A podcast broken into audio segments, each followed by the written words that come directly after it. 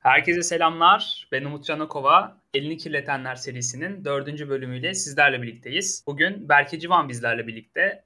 İkinci bölümde e, yayınımıza katılan Cogito Store'un kurucusu Pınar Civan'ın kardeşi kendisi ve kendisinin de bir e-ticaret mağazası var. Berk hoş geldin. Hoş bulduk, merhaba. Merhaba. Nasılsın? Nasıl keyiflerin? İyiyim. İyi diyelim. Sizin nasıl? Bizim de iyi. Çok teşekkürler. Belki şimdi biraz seni tanıyalım. E, neler yapıyorsun? Nerede okuyorsun? Hı-hı nerede yaşıyorsun? Onları öğrenmek isteriz. Biraz böyle hem eğitim hayatını hem e, daha sonra belki sporla ilgili tarafa geleceğim ama ilk önce kendin istediğin gibi kendini tanıtabilirsin. Tabii ki. E, ben Mert Berkecivan.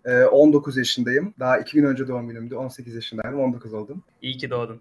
Teşekkür ederim. Aydın Doğan Meslek Lisesi mezunuyum. Grafik tasarım bölümünden. Şu anda İTÜ Çevre Mühendisliği birinci sınıftayım. Okulla uğraşıyorum bayağı şu anda. Oturtmaya çalışıyorum. Onun dışında bayağı Çocukluğumdan beri sporla uğraştım. Şu anda da fitness ve basketbol oynuyorum. Düzenli olarak devam ediyorum. Onun dışında çizim yapmayı severim. Tasarım yapıyorum. Yani Onları da konuşacağız zaten birazdan. Kitap okumayı seviyorum. Öyle. Çok güzel. Markam var ve o yüzden buradayız. Nasıl duyamadım? Ee, mark bir tane marka markam var. O yüzden de zaten buradayız şu anda. Ah, hoş geldin. Evet. Rivalisti konuşacağız. Öncesinde bu spor geçmişine biraz değinmek isterim yalnız. Rivalist bir spor mağazası. Ee, evet. Birazdan oraya da geliriz. Spor bileklikleri üretiyorsun sen. Ee, ama hani senin spor geçmişinle bir bağını kurabilmişsin. Ee, yani kendi hobin veya nasıl desek belki spor bir hobi değil aslında. Belki bir gereklilik artık da diyebiliriz. Hı hı. Yani yaptığın sporla e-ticaretin veya işinin bir bağını kurabilmişsin. Bu çok güzel gerçekten. Ee, o nasıl oldu tam olarak? Yani hem böyle spor geçmişinle bağdaştırmak açısından e, konuşmak gerekirse Rivalist'le senin spor geçmişini nasıl bağdaştırabildin? Hikayesini anlatabilir misin bize? Şimdi nasıl şöyle Rivalist? ben çok küçük yaştan beri e, basketbol oynuyorum. Babam sayesinde o da bir eski basketbol oyuncusu ve antrenör. Onun sayesinde hep özellikle basketbola çok fazla içli dışlı oldum. Onun dışında küçükken çok fazla futbol oynuyordum. Bir ara futbolun delisiydim yani. Sonra basketbol oldu falan. Değişiyor yani sürekli. Şu anda fitness'ın delisiyim diyeyim böyle zaman zaman sporlara takıyorum. Çocukluğumdan beri sporlarla içi dışı oldum. Rivalist'in de özellikle sporla bağlantısı şöyle oldu. Ben sporcu olduğum için arkadaşlarım da sporcu oldu genellikle. Ee, ve genel olarak herkeste ben şunu fark ettim. Bir bileklik sevdası vardı özellikle basketbolcularda ve fitness'ta da böyleydi. Herkesin elinde bir bileklik görüyordum ben genel olarak. Hani herkesin olmasa bile genel olarak çoğu kişide bileklik vardı. Bende de vardı. Ben de küçüklükten beri e, bileklik takıyordum hep böyle işte farklı anlamları olan farklı renklerde bir sürü farklı bileklikler takıyordum. Ve tabii e, tişört de vardı Rivalist'te önceden. Onu da konuşuruz. Ama daha çok e, hep bileklik görüyordum ve e, ben de hep bileklik alırdım. Bakardım, incelerdim, bazen çizerdim falan. Bu şekilde neden bileklik yok diye düşünüyordum hep ve bir anda böyle bir fikir ortaya çıkmış oldu. Aa, çok güzel. Ee, bileklikler sanırım motivasyon bilekliği, denge bilekliği diye bir şey vardı bak ben liseye evet. giderken. 2012 Hı-hı. senelerinde falan, 2013 Hı-hı. o seneler. Denge bilekliği diye bir şey vardı. Oralardan gelen bir şey hatta galiba bu da. Ben takıyordum Öyle onlardan. Onları da bayağı seviyordum. Değil mi? Öyle bir akım evet. vardı bir ara. Hı-hı. Senin ya ürettiğin bilekliklerde motivasyon yazıları yazıyor sanırım. Yanlış aynen. hatırlamıyorsam değil mi? Farklı mottolar ee, yazıyor. Mottolar Öyle, yazıyor. Renklerde var aynen. Hmm. Böyle birazcık hani hem fiziksel hem mental bir güç mü diyelim gerektirdiği için spor. Hani böyle bir şey mi fikir mi doğdu? Yani işte sporcular bu bileklikleri kullanır ve e, hani sporlarında başarılı ya olurlar, şöyle, motive e, olurlar falan gibi. Sadece spor değil, atıyorum e, bir öğrenci için de bir hani basketbol oyuncusu için, futbol oyuncusu için ya da herhangi biri için bile atıyorum bileğine baktığı zaman hani ona bir ilham vermesi için mesela bileğine bakacak. Neden başladığını hatırlayacak. Mesela Remember Why You Started mottolu bir bilekliğim var. Atıyorum e, sen sınava çalışıyorsun. Hani senin bir hayalin, bir idealin var. Mesela bileğine baktığında mesela çalışıyorum. Moralin bozuk olabilir baktığın zaman sana bir ilham vermesi için aslında benim amacım e, rivalisti kurarken buydu. Bilekliklerde amacım buydu yani. Bileğine baktığın zaman sana bir ilham vermesi, sana bir şeyler hatırlatması, seni bir e, harekete geçirmesi yani. Temel mantık bu. Bu öğrenci için de olabilir, basketbol oyuncusu için de olabilir, fitness e, yapan biri için de olabilir, voleybolcu için, futbolcu için, herhangi bir şey için. Atıyorum spordasın, hani son tekrardasın falan mesela. Hani eline bakacaksın, orada bir şey göreceksin ve bundan ilham duyacaksın, bundan motive olacaksın. Benim amacım buydu. Hı hı. Evet, evet. Ya sporcularda çok gerçekten sporlarda önemli gerçekten motive olmak, fiziksel ve mental gücü birleştirebilmek. Ee, birkaç belgesel var sana bildiğim kadarıyla. Kobe Bryant'ın belgeseli var. Böyle hı. onun güzel öğretileri var. Hep böyle girişimcilik şeylerinde de geçer böyle içeriklerinde de video içerik olarak hep yaparlar. İşte Black Mamba idi galiba belgeselin evet. ismi yanlış hatırlamıyorsam. İşte Michael Jordan, işte Muhammed Ali vesaire gibi böyle ünlü sporcuların hep güzel sözleri, quote dediğimiz hani evet. şey olmuş artık aforizmalaşmış e, şeyleri, deyimleri vardır. E, senin böyle hani tuttuğun, işte idol olarak gördüğün düşüncesini e, bir sporcu var mı? Tabii ki var. E, Michael Jordan'ın ben küçüklükten beri idol olarak görüyorum kendime. Hatta şu anda Rivalist'in bir tişörtü var üstünde. Bu da Jordan'ın bir sözü mesela. Yani hani e, Jordan benim idolüm diyebilirim genel olarak. Onun Hı. sözlerini falan zaten ilk başta onları yani şey poster falan da yapmıştım ben Rivalist'in ilk baştaki zamanlarında. Mesela işte Jordan'ın bir sözü vardı. İşte Kobe'nin sözü vardı. Onun dışında Elon Musk'ın sözü falan vardı. Bu tip böyle ben sözlere zaten çok sevip ilham e, aldığım için onları da kullandım Rivalist'te. Bir de olarak Jordan diyebilirim yani. Jordan ve Kobe demiştin değil mi? Yani Kobe de diyebilirim aynen. Ama hani basket atıyorum sadece basketbol için Jordan. E, girişimci olarak Elon Musk diyebilirim aslında yani. Hı hı, evet. Çok olabilir belki evet. ama hani temel e, felsefesine ben de birazcık uyduğumu düşünüyorum Elon Musk'ın. O yüzden Elon Musk diyeyim girişimcilerde. Hmm. E, uyuduğunu düşündüğün nokta neresi? Onu merak ettim. E, şöyle Elon Musk çok risk alan bir adam. E, bayağı hani risk almayı seviyor. Ben de hayatta genel olarak risk almayı seviyorum yani. E, tabii hı hı. alabildiğim alanlarda çok fazla da tehlikeli risk almıyorum da risk almayı seviyorum yani hani sonuçta öğrenmek, risk almak, hata yapmak vesaire çok önemli olduğunu düşünüyorum yani. Hı hı. E, rivalist bir risk olarak görüyor musun? E, şöyle rivalist ben aslında mağazası. rivalist nasıl söyleyeyim için bir kitap olarak görüyorum. Hani atıyorum rivalisti ben para kazanmak için aslında oluşturmadım. Olabildiğince fazla hata yapayım, olabildiğince fazla şey öğreneyim diye yani şey yaptım. Temel ama çok para kazanacağım, çok zengin olacağım vesaire ya da ne bileyim çok ünlük falan değildi. Ben olabildiğince fazla hata yapayım, olabildiğince fazla şey öğreneyim, olabildiğince fazla kişiyle konuşayım, yeni şeyler öğreneyim, yeni şeyler deneyeyim. Amacım buydu. Hala da bu. Ve tem- her zaman temelinde bu var yani. Hata yapmak, öğrenmek var. Benim için bir kitap o yüzden. Kitap diyebilirim yani. Aa, çok güzel. Yani aslında hani elinde bir 101 içeriği gibi bir şey yok. Yani veya bir rota yok. Ama Rivalist'te her yaptığın, o tecrübe ettiğin her şey aslında yoldayken sana öğrenmeni sağlıyor. Aynen. Böyle bir bakış açım var sanırım. Evet. Aa, süper. Ee, Nasıl gidiyor peki Rivalist? Şu an nasıl ürünler var? Hangi platformlardan satış yapıyorsun? Biraz o taraflara gelelim. Yani sanırım Shopier mağazası var. Ee, şu ee, anda Shopier hem de Trendyol var. Trendyol'da yaklaşık bir e, 4 gün önce falan başladım. Onun için uğraşıyordum birkaç bir süredir falan. Yaklaşık bir haftadır. Onu da açtım. Ee, şu anda Trendyol ve Shopier var satış yaptığımız kanal satış yaptığım kanallar. Hı hı. Güzel, çok güzel. Nasıl devam ediyor satışların? Ee, daha çok böyle tabii hani sen şeyi demiştin az önce. Ee, hani ben hep spor yaptım, çevremde de sporcular oluştu. Hı hı. Dolayısıyla hani hani 5 kişinin ortalamasısın e, sözü vardır ya. Evet. hani öyle bir şey oluşmuş, sosyal bir çevre. Hı hı. E, tabii buradan büyümüştür, rivalist oluşmuştur falan diye tahmin ediyorum. Sonra işte Shopier, Trendyol diye e, devam etmiştir diye tahmin ediyorum ama hani burada e, satışları sen nasıl yapıyorsun? İşte e, kişilere nasıl ulaşıyorsun? E, sadece e-ticaret altyapısı yani e, pazar yeri buna yeterli oluyor mu yoksa ekstradan işte reklam çıkıyor musun? Hani a- arka taraftaki teknik detayları bir de işte kargolama süreçleri e, nasıl gidiyor? Onları merak ediyorum açıkçası. Ee, şöyle ben e, daha önceden çekilişler denedim. Çok başarılı olmadı çekilişlerim. E, reklamlarda genelde e, çok başarı başarılı oldu diyeyim. Onun dışında influencerlarla çalıştım. Onlar da çok fazla mantıklı olmadı. Yani genel olarak hep denedim. Hata yaptım. Hani vazgeçtim. Başka bir yol gittim. Mesela böyle gidiyorsam hata yaptıysam böyle gitmeye başladım. Bu da mı yanlış? O zaman böyle yaptım falan. Yani sürekli farklı rotalar denedim. Deniyor, hala deniyorum. Ee, şöyle ulaşıyorum ben. Genel olarak reklamlarla uğraş, şey, e, ulaştım müşterilerime. Onun dışında arkadaş çevremden atıyorum bir arkadaşım da benim bilekliğimi takıyor. Onun bir arkadaşı da görüyor. O da beğeniyor. Çünkü o da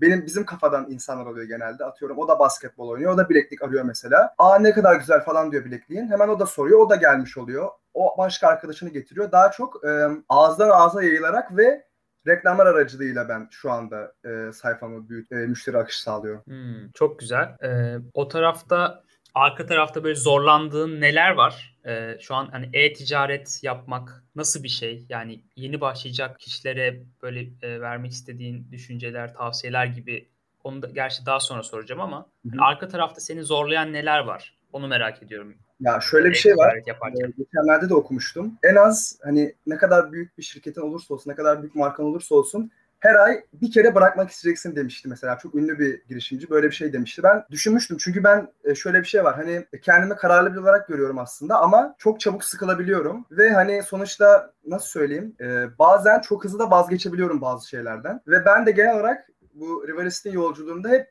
acaba pes mi etsem falan dedim. Acaba bıraksam mı? Ee, hani gitmiyorum artık. Başka bir şey mi yapsam? Okulla mı uğraşsam? Hani çok dengeli dengeler bozuluyor falan filan. Adamın sözünü duyunca demiştim gerçekten böyle hani adam diyordu ki çok büyük bir şirketin var mesela. Çok sevdiğin biri işten ayrılabilir. O zaman dersin ki hani ya da hayatın çok değişik gidebilir. O zaman bırakmak isteyebilirsin. Benim de çok fazla bırakması zamanlar oldu. Hala arada oluyor bu arada. Ama ben kendimi şöyle hatırlıyorum. Kendime şunu hatırlatıyorum. Ben şu an bırakacağım ama ben yaklaşık olarak hani yüzlerce kişiye bileklik satmışımdır. Böyle 250 kişiye falan satmışımdır herhalde. 250 kişinin bileğinde benim bilekliğimin olduğunu biliyorum. Ve bana çok mutluluk veriyor yani. İnsan güzel, farklı bir tatmin duyuyor bundan. Ben bu şekilde devam ediyorum. Onun dışında önerimi yapayım mı şu anda önerilerimi falan yoksa daha sonra mı konuşuruz onları? Ona birazdan gelebiliriz aslında belki. Ee, bu hani zorlandığın taraflarla ilgili daha çok e, böyle e, mental olarak hani bırakmak Hı-hı. bırakmayı düşünme gibi bir noktada herhalde zorlandın. Ya ben e, işte dediğim gibi çok fazla sabırlı bir insan da değilim. Hani atıyorum rivalistin çok durgun olduğu dönemler olduğu zaman hep neden böyle gidiyor hani nerede hata yapıyorum. Bir de e şöyle bir şey e, nasıl söyleyeyim 2 artı 2 bazen 4 etmiyor. Yani siz bir şeyi çok iyi yaptığınızı düşünüyorsunuz. Hani e, bir şey yaparsınız artar diye düşünürsünüz ama siz bir şey yapıyorsunuz azalıyor mesela. Hani bir şey için uğraşıyorsunuz istediğin gibi olmuyor.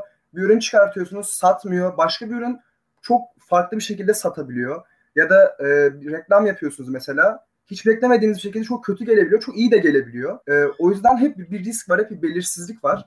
O yüzden e, beni yoran şey bu oldu. Ben çok belirsizliği sevmiyorum mesela. Hatta hiç sevmiyorum ama hani o da birazcık işin eğlencesi aslında. İşin keyifli kısmı o. Yani mesela benim en çok sıkıntı yaşadığım şey bu belirsizlik. Yani hani atıyorum bir sınava çalışıyorsunuz, ders çalışıyorsunuz mesela. Atıyorum 10 doğru yapıyorsunuz sınavda. Birkaç konuya çalışırsınız 12 olur. İşte biraz daha çalışırsınız 15 olur ama hani bir artış görebilirsiniz. Lineer olarak artar. Ama e, genellikle benim şu ana kadar gördüğüm kadarıyla bu marka oluştururken, girişimcilik yaparken falan sonuçlar beklediğiniz gibi olmuyor ve hani hiçbir şekilde böyle bir şey olmuyor. Belki hani şöyle gitmiyor, böyle falan gidiyor bazen. Hani ya da bazıları çok iyi giderken çökebiliyor ama bu işin belirsizliği hem eğlencesi hem de hani laneti diyebilirim aslında belirsizlik. Eğer insan dayanabiliyorsa güzel oluyor belirsiz olması işleri. Beni yoran şey belirsizlik. Hmm. Çok çabuk çaba e, yanlış ifade ettim. Çok çabuk e, sonuç bekleme Hı-hı. var ya insanda. Yani bir Aynen. şeye başladığında aslında hani girişimciliğin de belki böyle uzun maraton olduğunu, kısa bir sprint olmadığını yani 100 metre değil de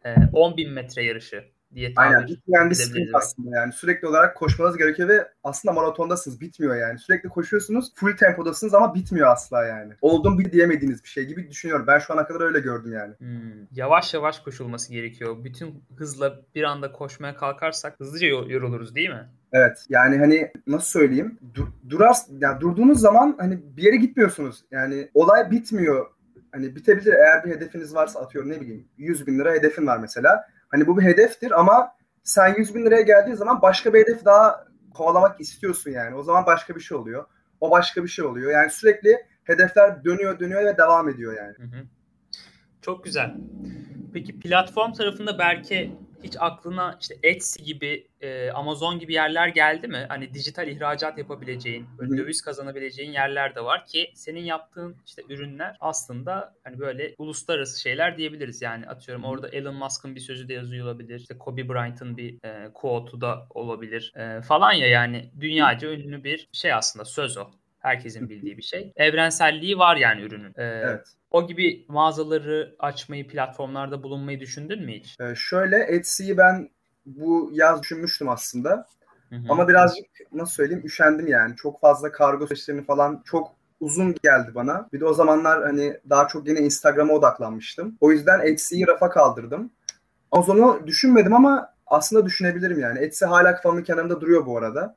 Onu da bu sene içerisinde yapmak istiyorum. Çünkü sonuçta döviz kazanmak, yurt dışına ihracat yapmak şey, e, tabii ki. Ee, onun dışında yani e, bilekliklerin yani sadece şey e, benim bilekliklerimin Hani illa yurt dışında örnekleri de var ama bu kadar sadece buna odaklanan birini ben daha önce görmedim. Belki de vardır ama bu kadar farklı renk, farklı modda, farklı çeşitlerde veren, satan birini ben çok görmedim açıkçası. O yüzden de bir e, şeyim var aslında. Bana ilham veriyor yani. Acaba hani yurt dışında mı açılsam falan diye düşünüyorum yani. Hı hı. Valla çok güzel olur o tarafta. Hani sen zaten elini kirletmeyi seven anladığım kadarıyla bu yolculuğu seven birisin.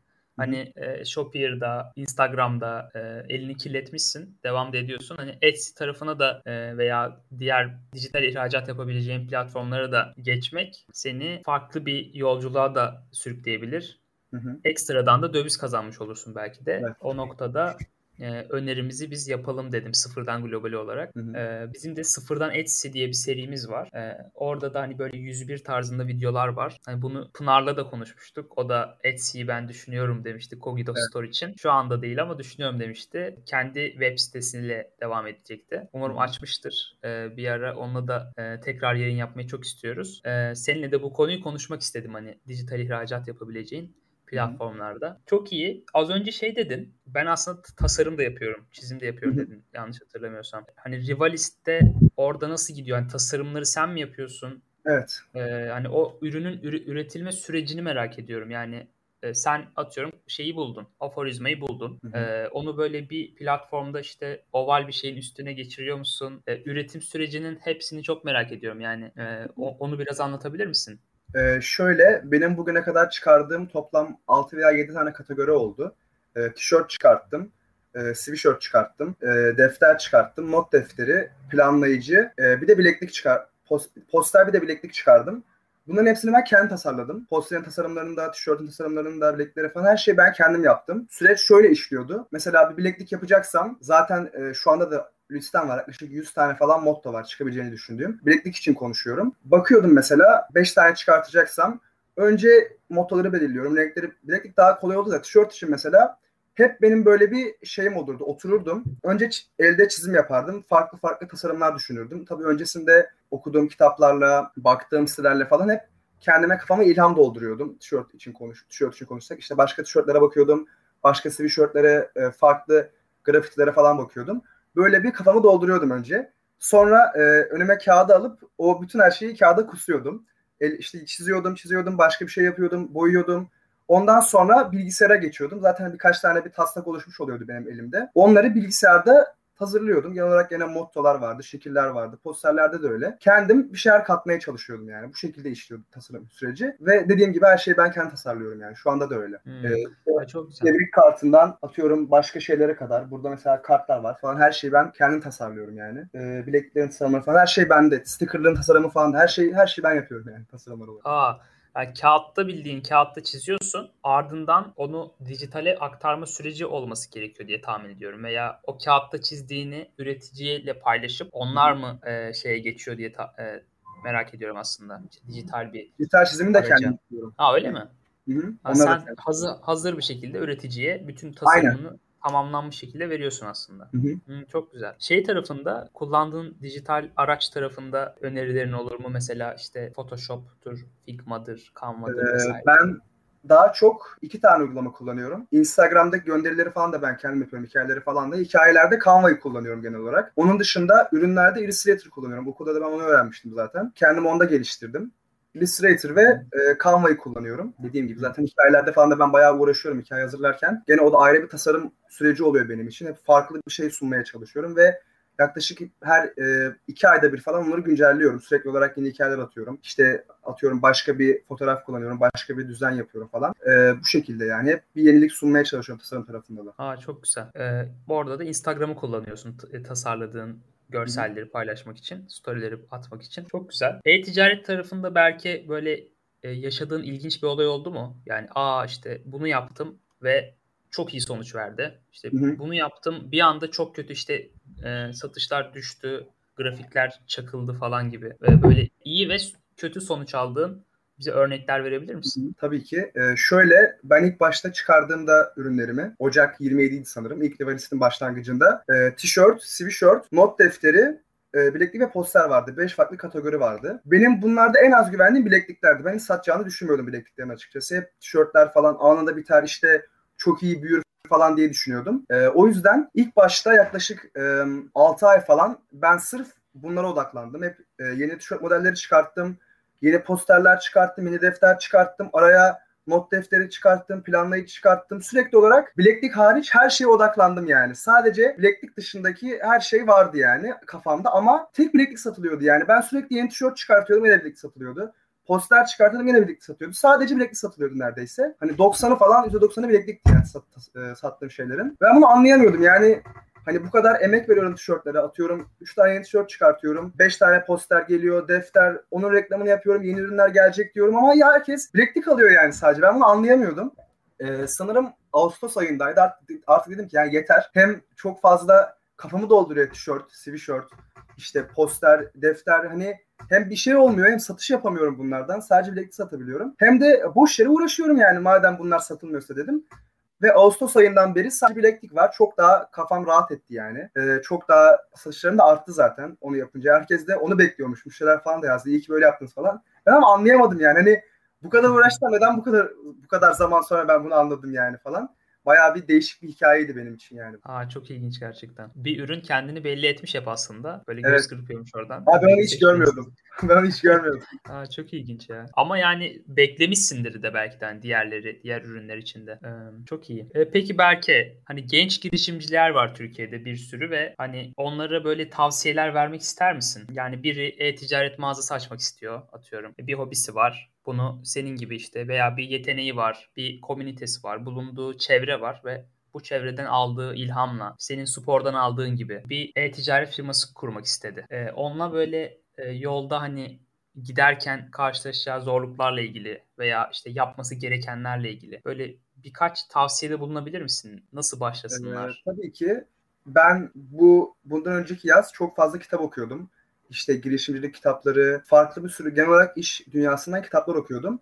Ve hep aynı şeyi söylerdi. İşte hata yapmaktan çekinmeyin. Ben de diyordum ki hani nasıl hata yapmaktan çekinmeyeyim? Yani sonuçta kim hata yapmak ister ki, kim başarısız olmak ister ki falan. Ama e, ben bu hikayeme başladığım zaman hep bunu gördüm. Ne kadar hata yaparsan o kadar iyi ve ben şu anda hata yapmak için ve öğrenmek için çalışıyorum. Öğrenmek için yeni ürün çıkartıyorum. Öğrenmek için, hata yapmak için. Yani hata yapmak için şu anda Rivalis var. Ben kendi kafamda rivalisti koyduğum yer hata yapma yeri olarak görüyorum şu anda. Neden? Hani ben şu an 19 yaşındayım. İleride 30 yaşında bir çok basit bir hatayı şu anda yapıyorum mesela. Atıyorum bir müşteriye bir hata yaptım müşteriye karşı veya üründe veya iletişimde falan. Ben bunu bundan 10 sene sonra yapacağımı şu anda yapmış oluyorum ve bu benim için bir çok büyük bir öğrenme, çok büyük bir deneyim olmuş oluyor. O yüzden eğer bir marka kurmak isteyen biri varsa benim amac e, söylemek istediğim şey öğrenmek için yapması. Yani hep öğrenci kalması, hep hata yap hata yapmaya açık olması. Çünkü hani denemesi, atıyorum ürün çıkartacaksın, tutmayacak. Başka bir şey yapacaksın, hikaye paylaşacaksın mesela. Farklı tipi bir hikaye o da tutmayacak.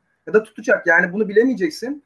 Ama hep denemek, hep öğrenmek, hep yeni bir şeyler yapmak, hep daha fazla denemek yani. Ben olayı bunu önerebilirim. Denemek ve hata yapmayı önerebilirim. Onun dışında hani çok klişe olur ama kitap okumalarını öneririm büyük ihtimalle. Bu iş dünyası ilgili. Çünkü temel bir e, hani bir şey oluşturması gerekiyor yani bence. Çünkü ben hani çok gerekli olmayabilir belki ama bunun çok faydası olduğunu düşünüyorum. Okuduğum kitaplardan falan da görüyorum. Mesela atıyorum konumlandırma kavramı. O kit- konumlandırma kitabını okumuştum ve ondan sonra bütün Rivalis'in hikayesi değişti mesela. Bilekliklerin sadece olmasını o kitaptan sonra düşündüm. Mesela birinin hakkında Rivalis dendiğinde bileklik gelmesini iste- istedim yani. O yüzden sadece mesela bilekleri yaptım. O kitap çok etkilemişti beni. Onun dışında Contagious diye bir kitap vardı. Gene nasıl bir şeylerin insanların hakkında bulaşıcı olduğunu falan anlatan bir kitap. Kitap okumalarını öneririm üçüncü olarak. Onun dışında hı hı. spor yapmalarını önerebilirim yani her açıdan. Çok işten ya da okuldan hani oku, okul da dahil buna. Bunu aldıkları zaman spor yapmalarını öneririm yani. Bu bir e, hobi değil bir gereklilik bence.